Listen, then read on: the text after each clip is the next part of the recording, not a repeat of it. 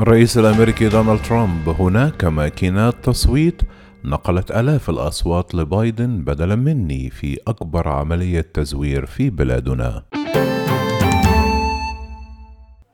قال الرئيس الأمريكي دونالد ترامب في أول مقابلة له بعد الانتخابات إن الولايات المتحدة شهدت أكبر عملية تزوير لافتا إلى أن هناك ماكينات تصويت نقلت آلاف الأصوات لجو بايدن بدلا منه.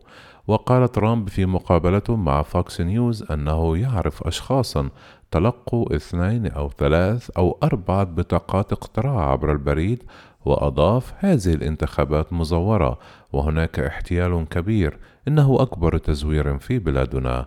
وتابع ترامب أنه حصل على أكثر من 74 مليون صوت وأن بايدن لم يحصل على 8 مليون صوت مجددا تأكيده على أن هذه الانتخابات مزورة بالكامل. وأشار ترامب إلى أنه تم إلقاء بطاقات التصويت وأنه ذهب إلى المكبات حيث ألقيت البطاقات. وأضاف ترامب أنه لدينا المئات من الإثباتات والشهادات المكتوبة خطيا للتأكيد على ما نقول لكن المحاكم والقضاة لم يقبلوا بها وقال في أي بلد نعيش؟ وأي انتخابات هذه؟ قال ترامب أن ما يجري في جورجيا كارثي معتبر أن حاكم جورجيا كان عار وأنه أخطأ حين أيده يوما ما. وقال ترامب يجب أن نتحرك بسرعة كبيرة ولن أتحدث عن التواريخ التي يتحدثون عنها لتحديد الفائز.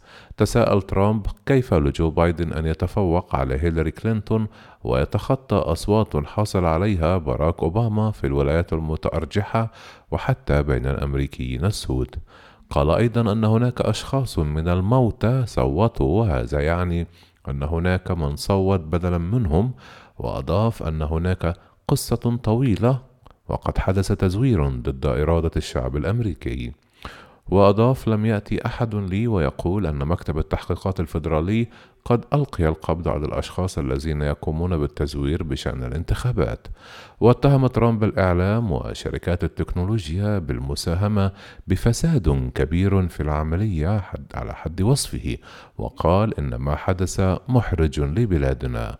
قال ترامب إنه رغم أن لدينا أدلة هائلة وأفضل المحامين لكن قضيتي كرئيس للولايات المتحدة من الصعب أن تصل للمحكمة العليا. لدينا محامون عظماء لكنهم انسحبوا بسبب التهديدات الفظيعة. وعما إذا كان سيعين مستشارا خاصا للتحقيق في قضايا الانتخابات قال ترامب نعم سأفكر في مدعي عام خاص. من جهة أخرى قال ترامب أنه لو أعيد انتخابه فسوف يحقق اتفاقا سريعا مع إيران.